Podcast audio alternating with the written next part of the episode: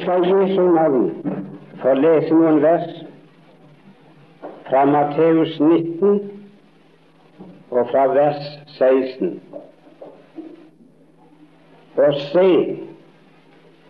det kom til ham en mann og sa, Mester, hva godt skal jeg gjøre for å få evig liv? Men han sa til ham, Hvorfor spør du om det gode? Det er bare én som er god. Men vil du gå inn til livet, da hold budene. Han sa til ham, Hvilke? Jesus sa, Du skal ikke slå i hjel. Du skal ikke drive hor. Du skal ikke stjele. Du skal ikke si falsk vitnesbyrd. Hedre din far og din mor, og du skal elske din neste som deg selv.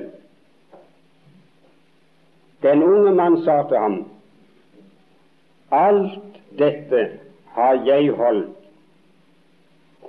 Hos en av de andre evangelistene står det Alt dette har jeg holdt fra min ungdom av. Hva fattes meg ennå?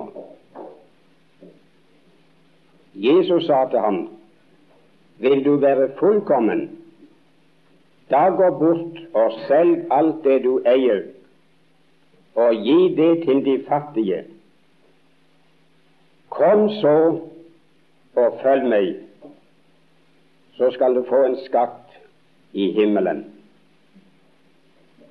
Men da den unge mannen hørte det, gikk han bedrøvet bort, for han var meget rik. Amen. Fader i Kristus Jesus, før jeg sier noe om ordene jeg nå har lest, vil jeg så gjerne få tatt det stykket av livets brød og lagt over i dine hender, og be at du ville ta det, bryte det og velsigne det, og dele det ut, og gjøre det slik at det blir nok for de sjelene som er her, og at det også passer for de sjelstilstander som er representert. Du kjenner alle og vet om de vanskeligheter mange har for å kunne bli så stille at de ikke hører noen annen røst enn din røst. Hva jeg trenger, behøver jeg ikke å fortelle her i andres påhør. Det har vi to snakket om før, og det er en gammel kjent for deg.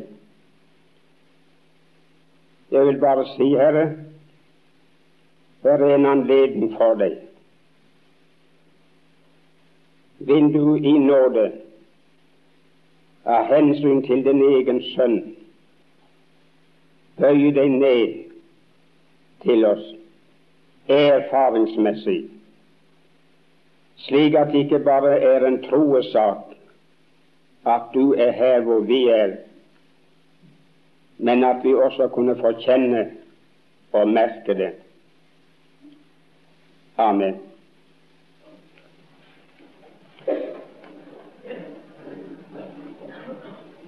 Det er i grunnen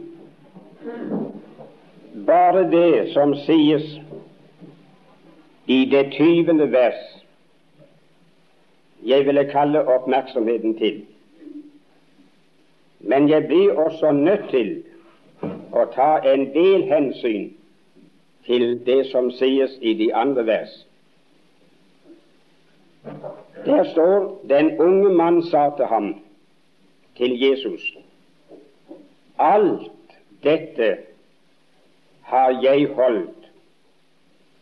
Hva fattes meg ennå? Vil du ta med deg hjem det spørsmål fra i kveld?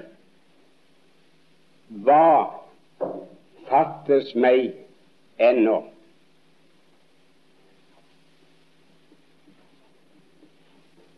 Den mannen var klar over at det var noe som han manglet, men hva det var, det sto ikke klart for ham. Og så spurte han åpent og ærlig Herren, hva fattes meg ennå? Når jeg forkynt Guds ord mellom folket vårt, her i landet og utenfor landet, siden 1907. Det er mange år. Og jeg har brakt i erfaring, muntlig og skriftlig, at det spørsmål det lever i en masse mennesker. Det kan hende de finnes som ikke er berørt av det. Men jeg tror ikke det er mange. Og særlig har jeg møtt tre klasser mennesker hvor det hos hvem det spørsmålet brenner. Hva fattes meg ennå? Og den første klasse jeg tenker på, det er sådanne vanlige, verslige, vantro ufrelste mennesker. Mennesker som vet med seg selv de behøver ingen prest og ingen predikant for å fortelle dem at de ikke er frelst. De vet det før. Men de kjenner på en tomhet, en tomhet så nakende at den nesten vil fortære dem. Mange av dem har ikke en mistanke om at tomheten skriver seg fra det at de ikke kjenner Herren og ikke er frelst. Men de vil nesten fortæres av sin tomhet. Og de må se til, så å si til enhver tid og stund i sitt liv, å være opptatt, aktivisert de orker ikke å være stille og alene. Mange kommer hjem fra verkstedene og fra arbeidsplassene, og de kan ikke spise maten i stillhet og ro. De griper til avisen, til et magasin eller noe som de legger ved siden av, og så leser de.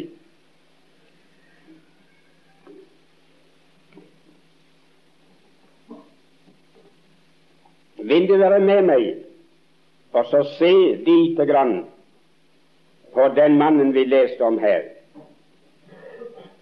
Han representerer mange mennesker og gjør det på mange vis. For det første vet vi om ham at han var ung og frisk. En sterk, ung, frisk mann. En mann som hadde livet foran seg, som ikke gikk og tenkte på sykdom, på død og en tidlig grav, men som regnet med at han ennå hadde et stykke liv å leve her i verden. Og han kunne leve det. Han hadde all anledning til det. Og han hadde sikkert prøvd å leve livet, vil si leve det etter sin smak. Ufrelste mennesker har ikke akkurat samme interesse og samme smak for spredelse og fornøyelse og tilfredsstillelse i verden. Hver har sin, og så går det med ethvert menneske som det står i Jesajas 53, hvor vi er dignet som får. Vi for alle vil som får. Men hvordan fare de vil? De farer vill bare på en måte, de. Du finner dem aldri igjen når de er faret vill i samlet flokk, men de går hver til sin vei. En ser noen grønne stå her, og så går den for å ta dit. Et annet får se noen står der henne, og så går det den veien. Og så tenker de ikke på samhold, og tenker ikke å spise de samme strå. Den går hver etter sitt, og vender seg hver til sin vei. Og det er hva menneskene gjør. Hva hans vei var, kjenner jeg ikke så ganske nøye til. Men han var ikke bare ung og hadde livet foran seg. Men det står også om ham at det var en rik mann. De kaller ham den rike yngling. Hvor rik han var, det står der ikke. Det heter bare at han var meget rik. Kanskje etter jødisk mønster millionær. Men det betyr, venner, at alt hva livet kunne by ham, hadde han anledning til å nyte. Han behøvde ikke fornekte seg noen verdens ting. Sko og klær, hus og hjem, god seng, varme i ommen. Alt som på noen måte kunne tilfredsstille ham, det kunne han skaffe seg. Selvfornektelse var han ikke tvungen til.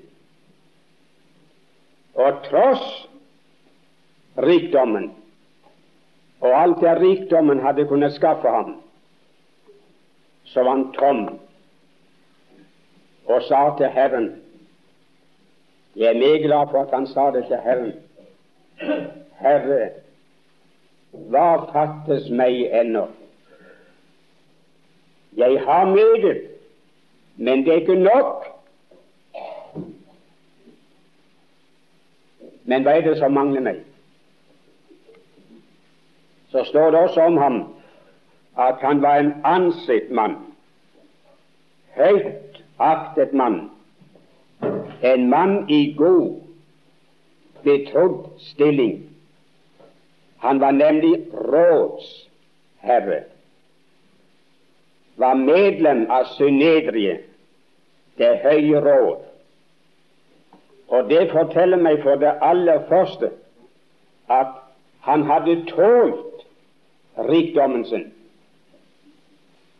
Rikdommen hadde ikke gått ham til hodet, og hadde ikke ført til at han hadde skeid ut i livet og levd i umoral. For i så fall ville han aldri ha blitt valgt inn i det høye råd der stiltes de aller største moralske krav til en mann som skulle få sitte i Synerie. Så det var i enhver henseende en bra og vel aktet mann. Og allerede her jeg få sagt det, men jeg kommer tilbake til det om et øyeblikk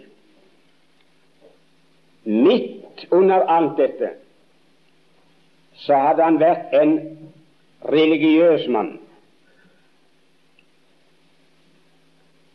Og det hadde han vært, ifølge Matteus 10, helt ifra sin tidligste ungdom.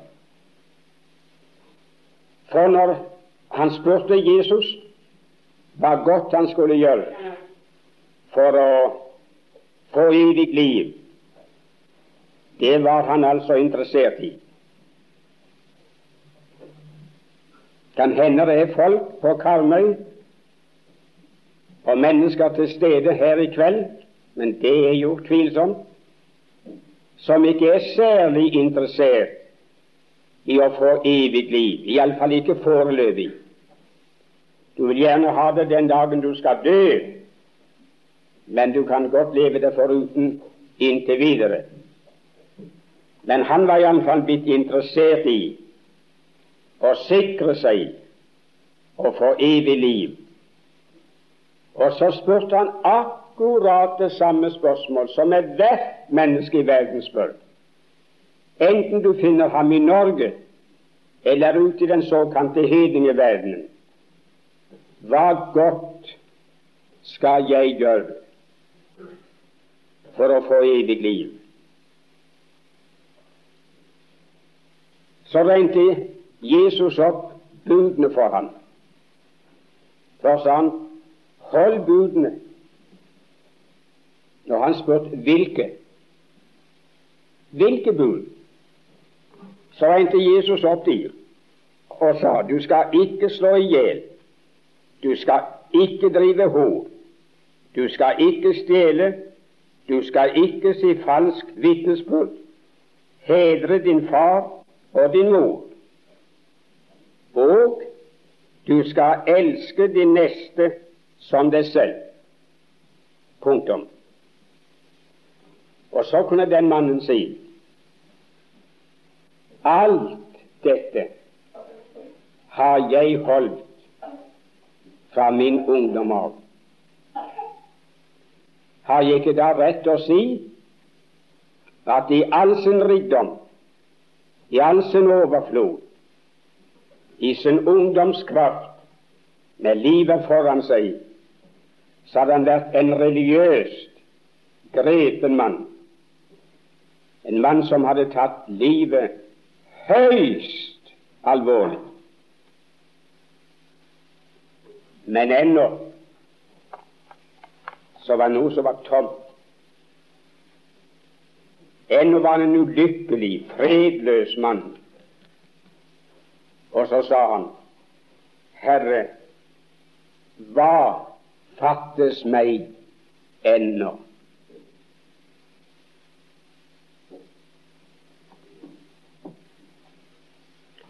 Ja, ja, jeg trodde nesten skulle gått forbi det.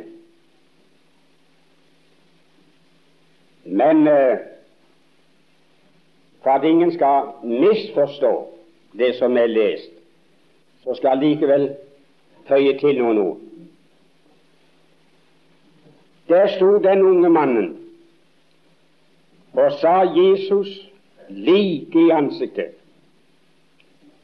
Jeg håper han ikke var klar over hvem han snakket med. At han bare kjente ham som og antok ham for å være en lærer kommet fra Gud. For ellers ville det være forferdelig å stå og si slike ting til Herren selv.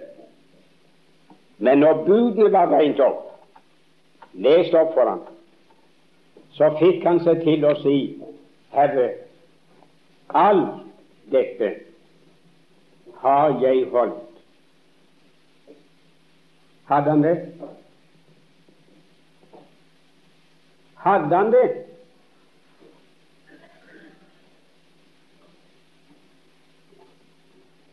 Var han mann for å kunne ha holdt det?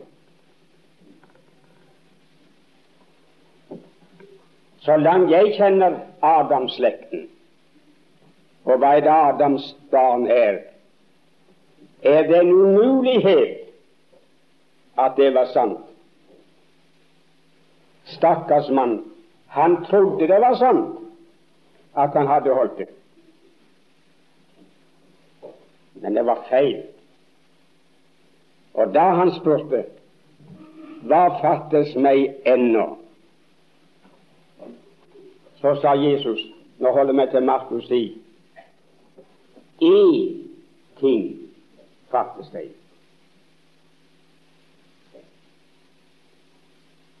Det kan godt være du har holdt mange av de budene, men det er i alle fall ett som du ikke har holdt.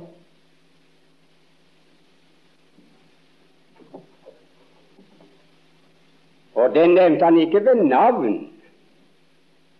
hvilket bud det var, men han satte fingeren på det likevel ved å si Unge mann, gå bort og selg alt det du har, og så gi det til de fattige.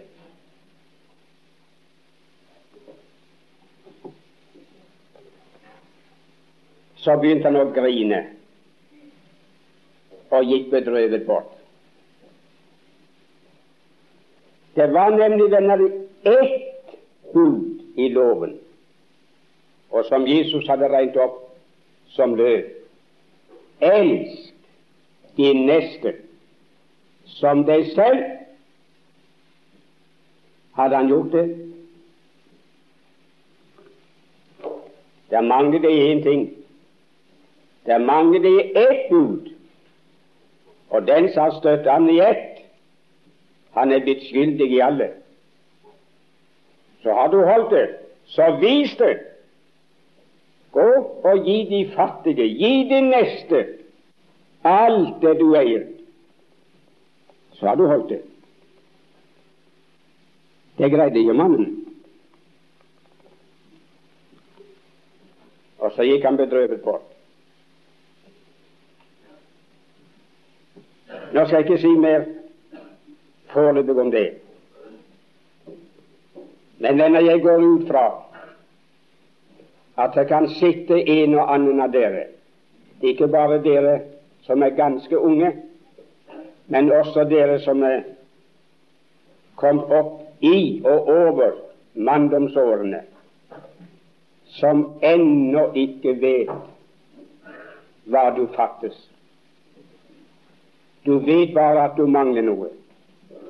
Du vet bare og kjenner på verden har ennå aldri kunnet gi deg det du har søkt, og det ditt indre menneske avtår. Og så spør du hva fattes meg ennå? Det har kommet unge mennesker, ja, forresten mennesker i, i modne år, og det endog av de beste familier. Til bare mennesker fra rennestenen og gaten. Det har med mange slags folk å gjøre. Så jeg snakket med meg alene og så har de spurt meg for sikkerhets skyld på forhånd Si meg, Bjarte, kan jeg være trygg for at det jeg nå snakker med deg om og forteller deg, går med deg i graven? At du ikke forteller det videre? Og først når jeg har gitt dem forsikring om det, så lukker de seg opp skal ikke vente det, min venn, at ethvert menneske skal lukke seg opp for deg. Hvis de er i tvil om at du vil holde tett og ikke røpe dem. Men vinn deres tillit, så skal jeg hilse og si du skal få visst meget. Det skal komme mange, med dem som lukker seg opp og betro deg hva du aldri ville ha falt inn og tenkt på. Og noen sådanne har kommet til meg og sagt, når de har fortalt meg alt sitt liv Og du skulle ikke tro det kunne fattes eller mangle dem noen verdens ting. De måtte være lykkelige og tilfreds. Så har de sagt så åpent eller sett meg opp i ansiktet. Gjett dem. Kan du si meg hva der ennå fattes meg?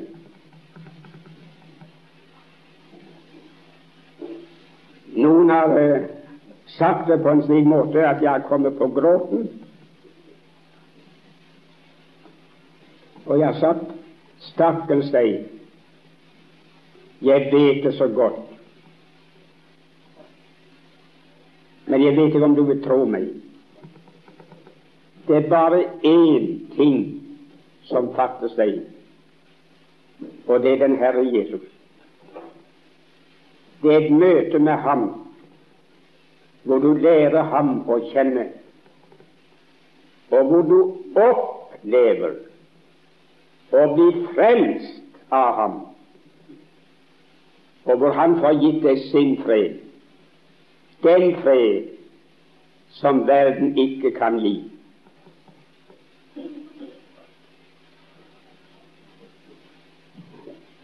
Jeg har sett mange komme og søke Gud og gi seg over til Gud, som har kunnet sagt det åpent og ærlig. Noen har sagt det med tårer, noen, noen uten tårer, at nå kaller Gud meg. Nå vet jeg at Gud kaller meg. Nå har jeg anledningen. Nå er det nå eller aldri. Og at slike kommer, det er nesten som det for meg er selvsagt. Men venner, jeg har også sett mange komme som har sagt Bjerken, det dere troende snakker om å være kalt av Herren, kjenner ikke jeg noen ting til. Jeg har aldri opplevd det. Jeg vet aldri om å ha felt en eneste tåre fordi Gud kalte meg. Jeg forstår ikke hva det er for noe. Jeg tror ikke dere lyver når dere snakker om et kall, men jeg forstår ikke hva det er. Men vil du be for meg, så vil vi takke deg for det. For nå er tomheten ute i verden blitt så uutholdelig at nå greier jeg ikke livet mer. Og så har jeg sagt til dem jeg er mer enn villig å be med deg. Og det du ikke føler, og det du ikke ser av din synd og skyld, og egentlig grunn hvorfor du skal komme til Herren i kveld, det skal du snart få se. Kan hende allerede i kveld skal Herren lukke dine øyne opp og du får se det. Og jeg har La meg forføye det til. Jeg har hatt en del skuffelser ved at mange av de jeg bar med, og nesten trodde var blitt frelst, de gikk tilbake til verden om ganske kort tid. Men de som kom tåreløst bare på grunn av en overbevisning, bare på grunn av den tomheten. De greide ikke livet lenger uten Herren. Og så fikk oppleve hva, hva Kristus kan gi et menneske. Godt folk, jeg er meg ikke bevisst én i kveld av slike som er gått tilbake til verden. Jeg har holdt. Jeg har bedt meg slike Du kjenner han politikonstabelen i Kristiansand, Thomassen. Jeg glemmer alle da han satt sammen med fruen på bedehusbenken i Kristiansand og forsikret meg så høyt og dyrt at han ikke var kalt av Herren.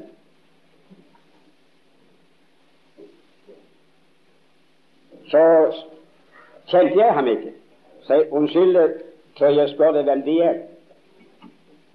Ja, vær så god, sa han. Mitt navn er Thomassen. Ja, ja, navnet det er nå sin sak. Men hva er du for noe? Jeg er overkonstabel her i byen. Å, der passer det greit. Da vil du forstå meg. Setter jeg blir innkalt i retten, så jeg kom til en klage på meg, en anmeldelse, og så blir jeg skriftlig innkalt til å møte i retten. Jeg får den, jeg leser den, har jeg ingen interesse av. Så slenger jeg den brevlappen i skuffen og møter ikke retten. Tror du jeg er klar med det? Ja, men det er sånn. Du kan begripe Du fikk politiet på huset. Du ble til å komme i retten. Ja vel, sa de. Sett så møter i retten, så kommer du, og så tar du meg. Så står vi i retten. Og så spør du meg har du fått Hvorfor møtte du ikke? Nei, møtte Hadde ikke noen interesse av å møte. Følte ikke noen trang til det. Jeg fikk innkallelsen? Ja, den fikk jeg. Forsto de den? Ja da. Hva gjorde du med den? Jeg slengte den inn i bordskuffen. Unnskyld, Thomassen, tror du jeg slapp med det? Jeg hører på noe snakk om. Det blir ikke spørsmål i det tilfellet om hva du følte trang til eller ikke. Det er ikke spørsmål om du gråt eller ikke gråt. Men det vil bli bare spørsmål om fikk du innkallelsen, fikk du beskjed om at du skulle møte. Og så var det det standpunkt du inntok til det som vil avgjøre saken. Så tok jeg han i hånden så sa takk skal du ha. Det er presis det samme forholdet til Gud. På dommens dag skal det aldri bli spurt deg hvor mange tårer du felte. Om du følte trang til å bli en kristen. Men det vil bli spurt deg om hans vitnesbyrd, Guds ord om himmel og helvete, rettferdighet og dom har forkynt deg. Om du visste om det, og så blir det din overbevisning det dømmes etter, men ikke det du følte. Nå skal ikke jeg treffe dem og plage dem mer i kveld. Men vil de følge overbevisning? Vet de at de er en skylder? Selvfølgelig, sa Det nekter jeg ikke. Men jeg føler ikke vondt av det. Det er ikke det jeg spør om. Men jeg spør, vet du om at du er en synder? Selvfølgelig. Har du hørt noe om at Gud vil frelse syndere? Ja, det hadde han også fått greie på. Har du hørt det ordet at den som kommer til meg, vil jeg ingenlunde støte ut? Ja, sa det. Det lærte jeg så godt på skolen at det kan de ennå utenat. Har du fulgt det? Jeg har ikke hatt noen tanker til sånn. Ja, ja, men nå er vi akkurat ved, ved poenget vil du bli unnskyldt i dommen av den grunn. Nei, sa han Thomassen, det blir nok ikke godtatt. Og så glemmer det aldri. Så vendte han seg imot meg. Halvt, halvt reiste seg av benken, og så sa han Bjerten, Tror du virkelig at det kan skje så forretningsmessig å bli en kristen?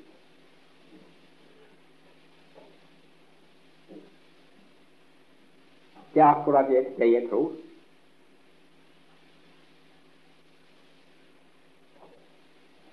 Skal jeg få lov å be for deg? Så det er ingen jeg har mer tro for å be foran deg. Så venter han seg til fruen. Du, hva skal vi gjøre? Men hun gråt, stakkar. Hun hadde ikke bare en kald overbevisning, men hun satt og grein. Hva skal vi gjøre, sånn? Ja, så jeg vil være med hvis at du vil det.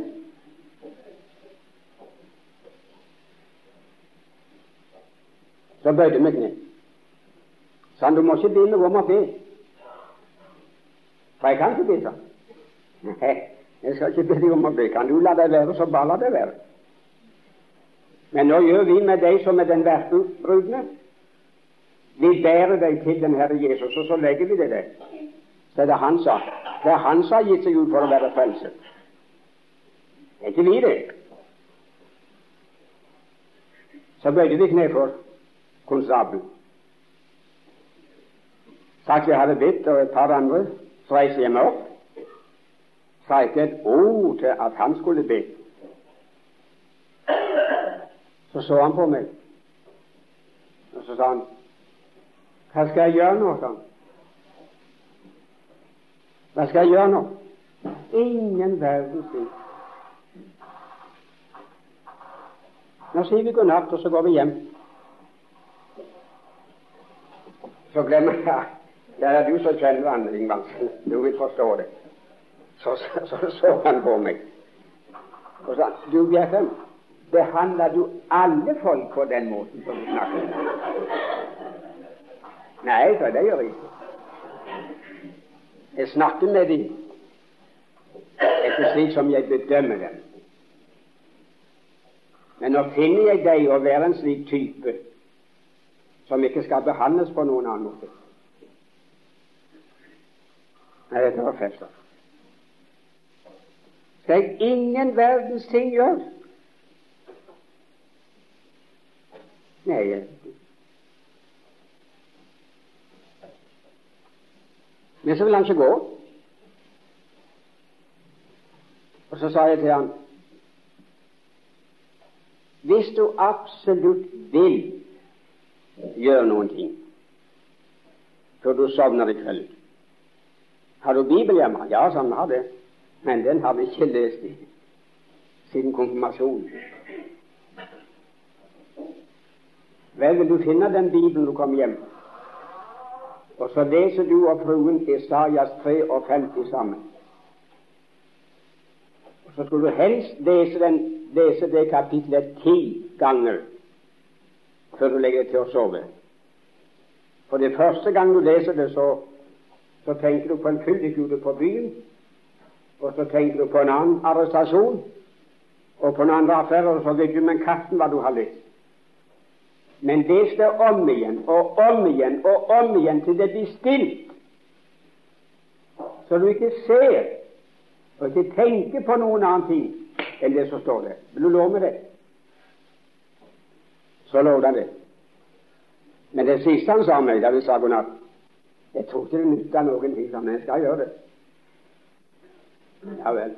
Da Kårestad var kommet på kontoret neste morgen der var Thomassen. Han hadde ikke låst opp ennå, men han var gått inn. Så så han over det matteglasset, og der sto politiet. Han hadde vært med på møtet og på denne her greien. Så sa du må lukke opp. Og han lukket opp. Og så kom denne svære, statlige skikkelsen inn. Sa Kårestad, miraklet har skjedd klokka fem i natt. Da skjedde det. Jeg lå bøyd over Sajas 53, og da gikk det opp for oss begge to. Straffen ble lagt på ham for at vi skulle ha fred. Så nå er saken i orden. Gikk det, sa Kårstad. Gikk. Det gikk med glans. Det var hans ord. Folk Gud kan frelse folk. Hvis du var den første han skulle begynne å eksperimentere med, så kunne vi være spent på utfallet om det, om det gikk, om han klarte det. Men dette har Herren praktisert i, i tusener av år, så han kan frelse. Og han har makt til å frelse. Og den som kommer til meg, har han selv sagt, den støter jeg ingenlunde ut. Det er det eneste, min venn, som fattes deg. Det er et slikt møte med Herren. Men nå nok om det. Det er en annen klasse som jeg tenker mer på. det er slike som rent åpenbart og bevisst, rent bevisst, er vakt og frelsesøkende. De går ikke bare med en sånn tomhet så de ikke forstår. Men de vet om at Herren har kalt dem. De kan nevne tid og sted og eller måten og midlene Gud har brukt for å kalle dem. Men de er ikke frelst. Vakt, frelsesøkende, men ennå ikke frelst.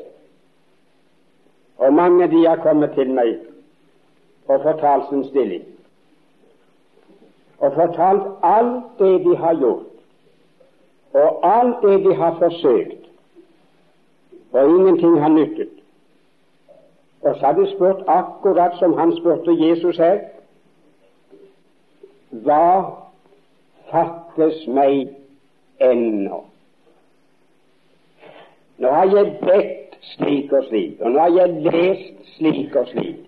Nå har jeg gjort opp det og det, bekjent det og det for mennesker.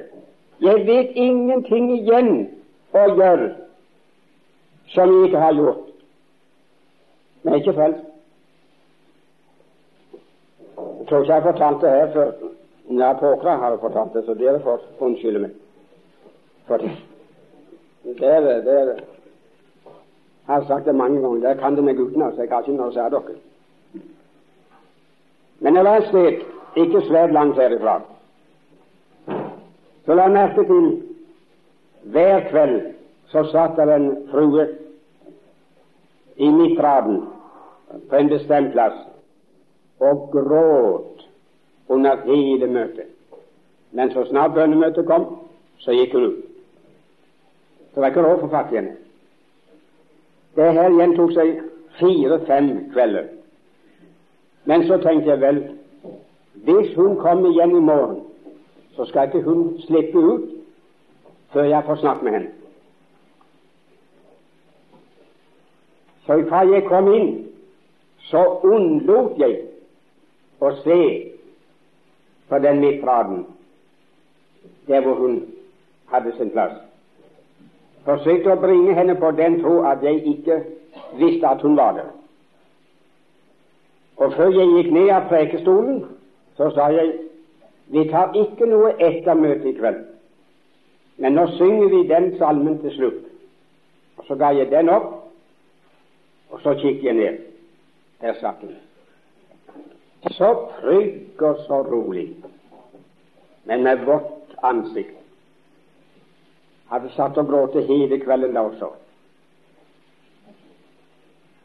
Og som en samme gikk, de stemte i salmen.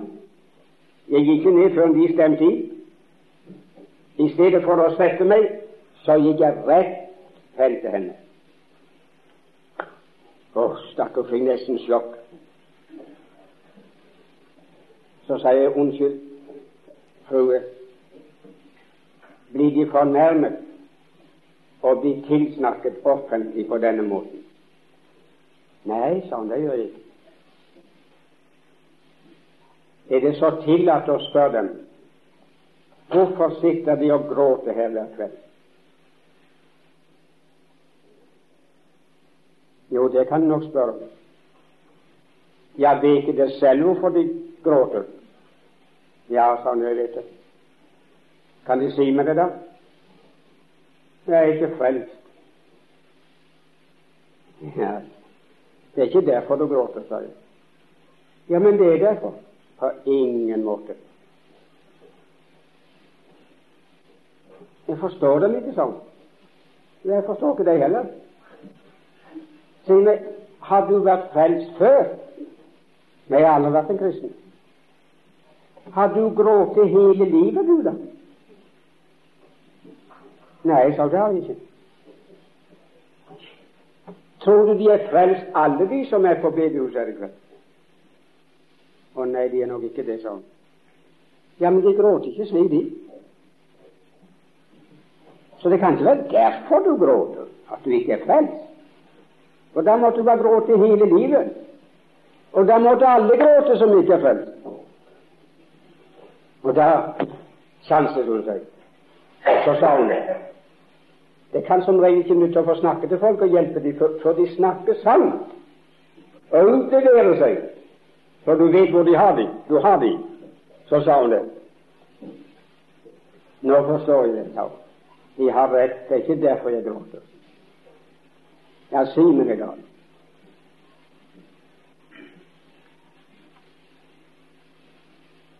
Jeg gråter, for jeg kan ikke bli født. Ja, så det er en annen sak. Hvis det er virkelig, hvis det er sant, så har du grunn å gråte. Og skal jeg gråte med deg. Men hvem har sagt det du ikke er blitt nei, du må ikke blande noen andre inn i dette. her. Og det er ingen som har sagt det at du ikke kan bli frelst. Nei, sa. Det er ingen som behøver å si det, for, for det vet jeg det. Ja, men hvordan kan du vite det hvis ingen har sagt det? Nei, sa Jeg kan jeg ha prøvd alt som kan prøves. Men det har ikke skjedd. Nå så har jeg et spørsmål. Vil du svare meg på det? Jeg skal ikke spørre om alt det du har prøvd. Hun sa hvor mange år hun hadde prøvd. Men kan du nevne meg det siste forsøket du gjorde, før du ga opp, før du slutta å be, og før du slutta å lese? Ja, så jeg kan fortelle det, men jeg syter med det. Ja, ja, sa jeg. Du behøver ikke, men, men uh, i så fall så slutter vi samtalen, og så går vi. Men kan du fortelle meg det, så jeg gjerne fortsetter å snakke med deg. Jo, så kom det. Jeg sa her for tre uker siden så ble det så grusomt at da, da klarte jeg det ikke lenger. Så gikk jeg til prestegarden og snakket med prosten. Dere kjenner han ikke, men etternavnet navnet hans. Og fortalte han hele min stilling. Det var en fredag. Og så sa han de var i grunnen lykkelige som kom i dag, det er fredag. For når det bare en dag igjen til søndag, da har vi gudstjeneste med altergang. Så får de være vennlige å komme til nattverd, motta absolusjon og Herrens legeme og blod. Så ordner den saken seg. Og så trodde presten, da. Den lørdagen det er den lengste dag i mitt liv. Jeg kunne ikke vente nesten til søndag, for da skulle jeg bli frelst. Kom til kirken og satt der og hørte ikke et steinsens ord av det som ble sagt. Jeg bare tenkte på å få gå frem til alterringen. Så kom det så langt gikk jeg frem, bøyde kne, venta ikke at noen ting skjedde da. Så ble jeg absolvert. Men da heller venta jeg ingenting. Men så fikk jeg brødet og blaten.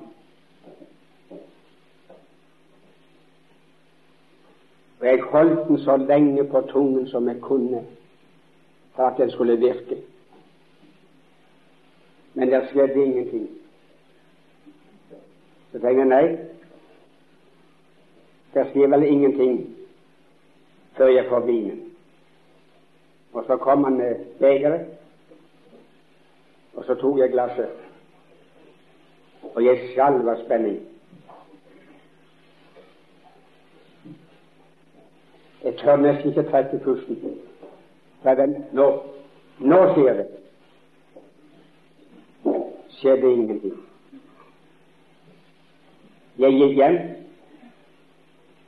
sa ikke et ord til noe menneske. Ingenting skjedde. Da ga jeg opp. Siden har jeg ikke bedt til Gud, og siden har jeg ikke lest et Guds ord. Det er ingen råd for meg. Det var hennes siste forsøk. Så sa hun sin søster Vil du være vennlige å stanse igjen her når de andre går, så vi kunne fått snakke sammen? Jo, hun lovde det. Sa ikke jeg heller noe annet å hjelpe folk med enn Guds ord. Så satt vi to der alene, og så slo jeg opp noen av disse enkle ordene som Gud har vitnet om sin sønn, og lese for henne. Og så spurte jeg en gang Unnskyld, søster, hvordan forstår De det ordet der? Ja, sa hun. Du må ikke spørre meg om det, for jeg, for, jeg forstår ikke noe slikt. Nei, nei, men bruk nå forstanden. Hva synes du dere er sagt? Så sa du bare sånn. Nei, unnskyld, vær vennlig og så les det verset selv, og så si meg hva du synes. Så leste hun det. Det er mange stunder i livet som ikke kan glemme. Så visste jeg ingenting. Så kastet hun seg på kne. Sånn, Å Herre Jesus, tenk at jeg skulle få se dette her. Det var ikke annerledes å bli frelst. Du har jo frelst meg. Løs og fri for flikken. Jeg møtte henne igjen i flere år. Nå har hun vært hjemme hos Gud i flere år. Men når sådan går frelsessøkende skjede og strever og strever og strever livet av seg og kommer ikke gjennom, og de vet ikke hva som fattes dem. For jeg lå da og si til dem, dem du mangler bare én en eneste ting som sitter her i kveld. Det er ikke noe du skal en ny beskjed, en ny opplysning du skal få om hva du skal gjøre. Nei, men det er noe du skal få høre og se. Og når du har sett det, så er saken i orden. Og det du skal høre og se, det kan jeg lese fra mange ord, men nå tar jeg det ene kjente i Johannes 1, 29. Og om Den hellige ånd ville vedkjenne seg det igjen, som man har gjort så mange ganger før. Herre, gjør det.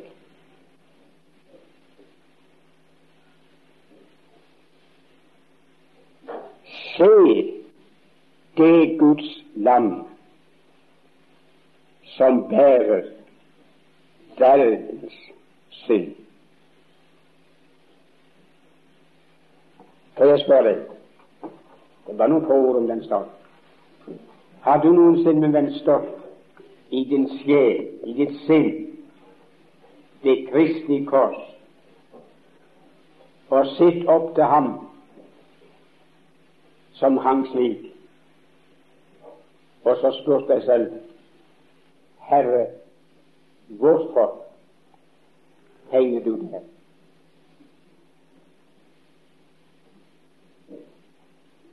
Har det noensinne gått opp for deg at han hang der og døde der i ditt sted? At det var din død han tok, din straff, som rammet ham. Har du sett og forstått hvorfor han døde? Og har du sett følgen av at han døde? Begriper du de ordene hans som han ropte fra det korset?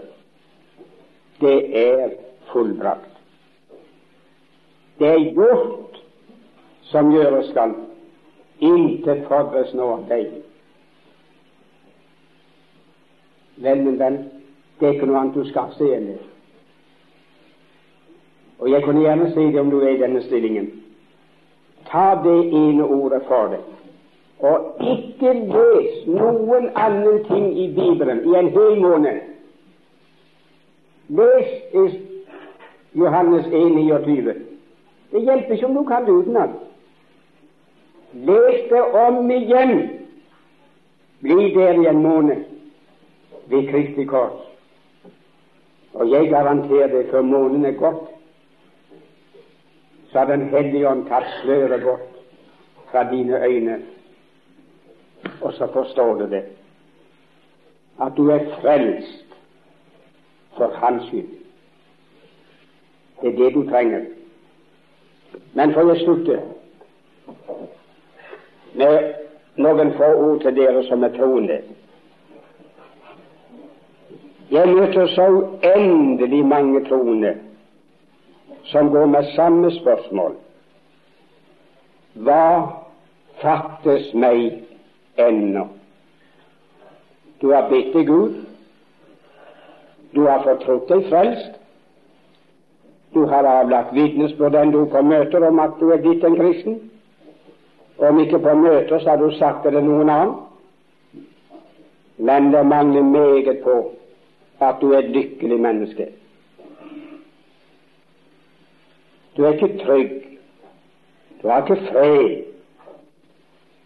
Du vet og kjenner på det. Det er noe jeg mangler. Det er noe som mange andre troende har, som jeg ikke har. Men hva er det? Og du og mange troende har sagt det til meg. Jeg, jeg har vært så klar over på disse møtene jeg har satt her og hørt, at du har noe som du bygger på og hviler i og lever i, som jeg må være fremmed for. For din erfaring, den må være en ganske annen enn minne. Men jeg forstår ikke hva det er som, som mangler meg. Og jeg har hatt en viss føling av at det er troende mennesker som går på kurset her, som går og føler på det. Det er noe som fattes det ennå, men hva er det for noe?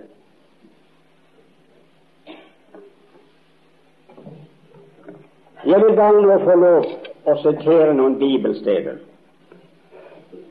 og så stiller jeg noen spørsmål skal ikke fortolke og forklare versene. Kan godt hende, og det går ut fra som en selvfølge, at du kjenner de versene jeg henviser til. Det står i 2. Korinterbrevet 5, vers 15. Vi, det var Herrens apostel, vi har gjort dette opp med oss selv, at når én er død for alle, så er alle døde. Og han døde for alle, for de som nå lever, ikke lenger skal leve for seg selv, men de skal leve for ham som er død og oppstanden for dem. For jeg lover å spørre deg, har du noensinne som en troende gjort det opp med deg selv at når Han, Kristus Jesus, døde for deg, så døde du. Du var på bibeltimen Tvet i ettermiddag. Forsto du ham? Forsto du hva Tvet preket om? Jeg er sikker på, sa Trone, for, for hvem det var. Det var nesten som grep. Forsto det ikke.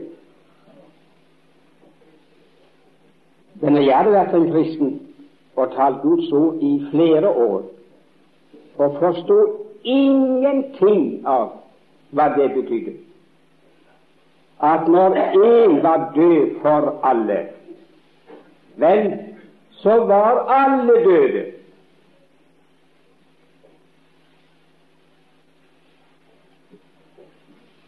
Jeg hadde, jeg hadde sett og så bare det at han døde for meg, men at jeg avgikk ved døden i Guds måte å regne på, i hans død. Så hans død var min død. Det falt meg aldri inn.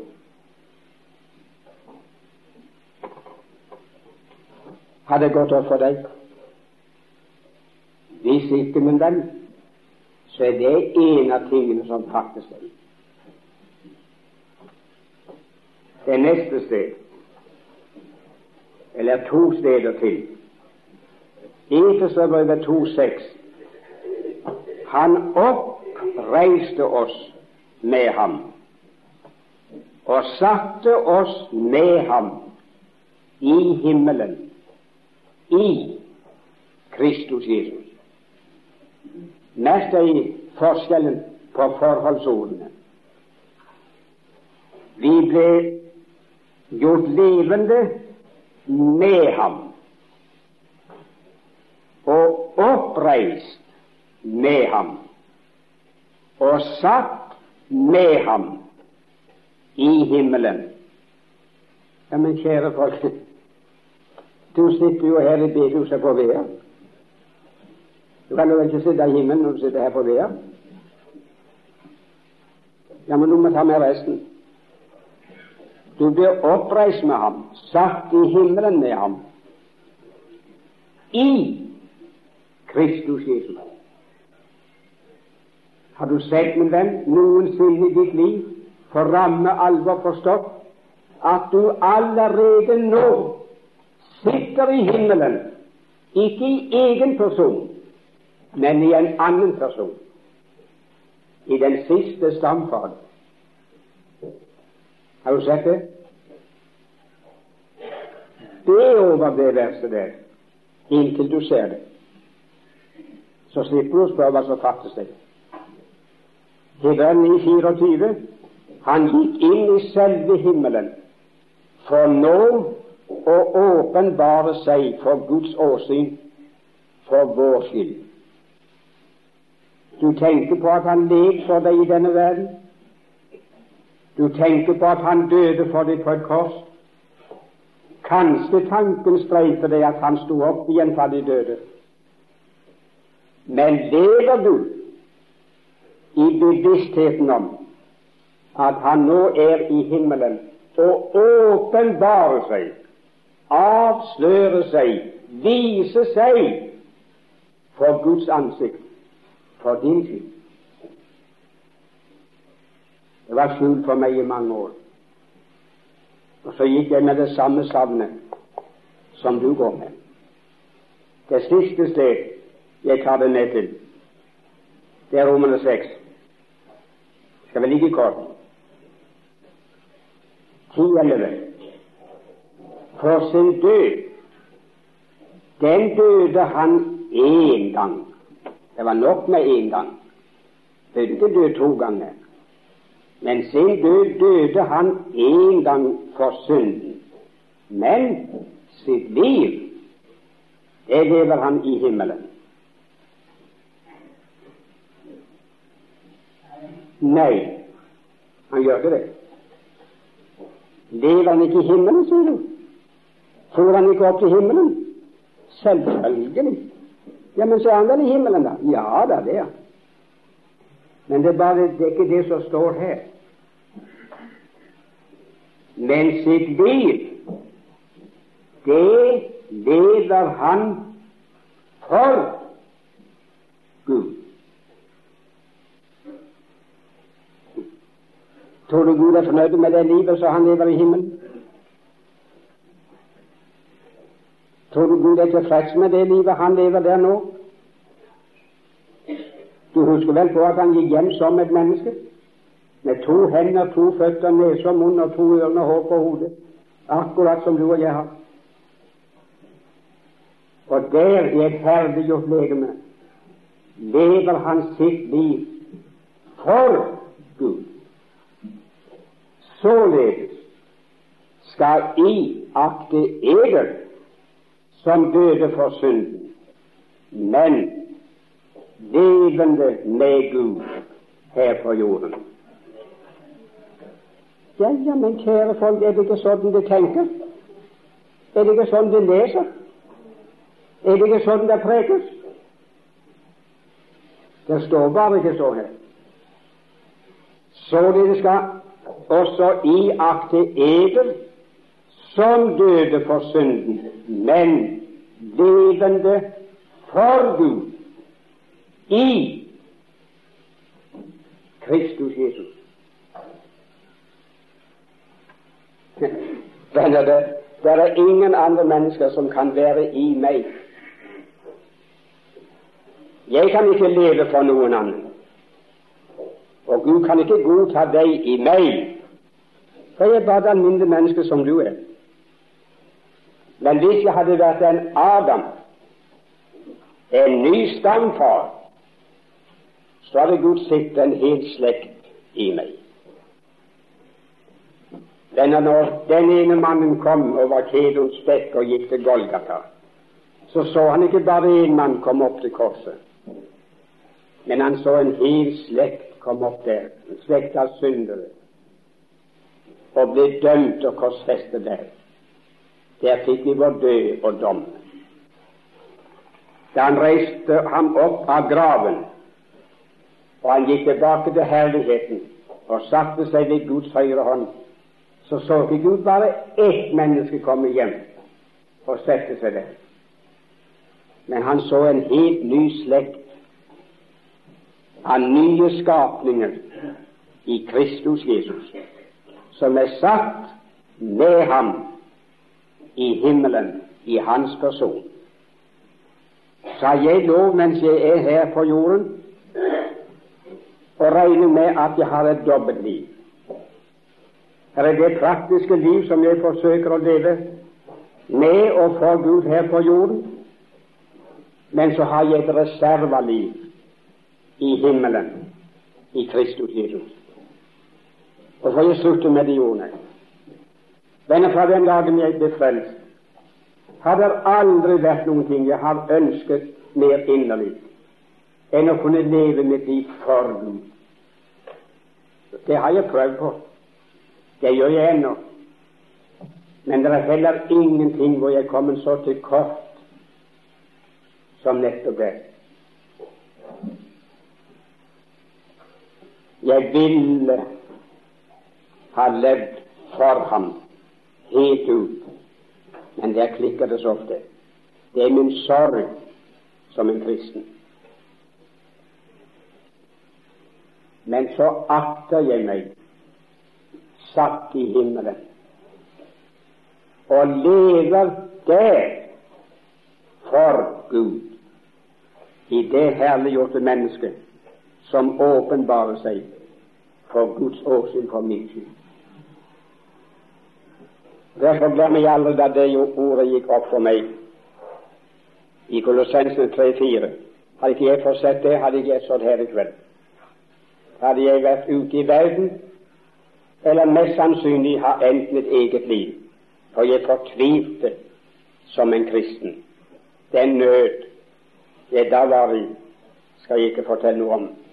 Men der står når Kristus, vårt liv, åpenbares, osv. Jeg fikk ikke se mer enn det. Jeg visste at han var, han var min rettferdighet. Det er jeg prøvde om. Og jeg visste han var min ypperste prest, min hyrde, min talsmann og alt det der.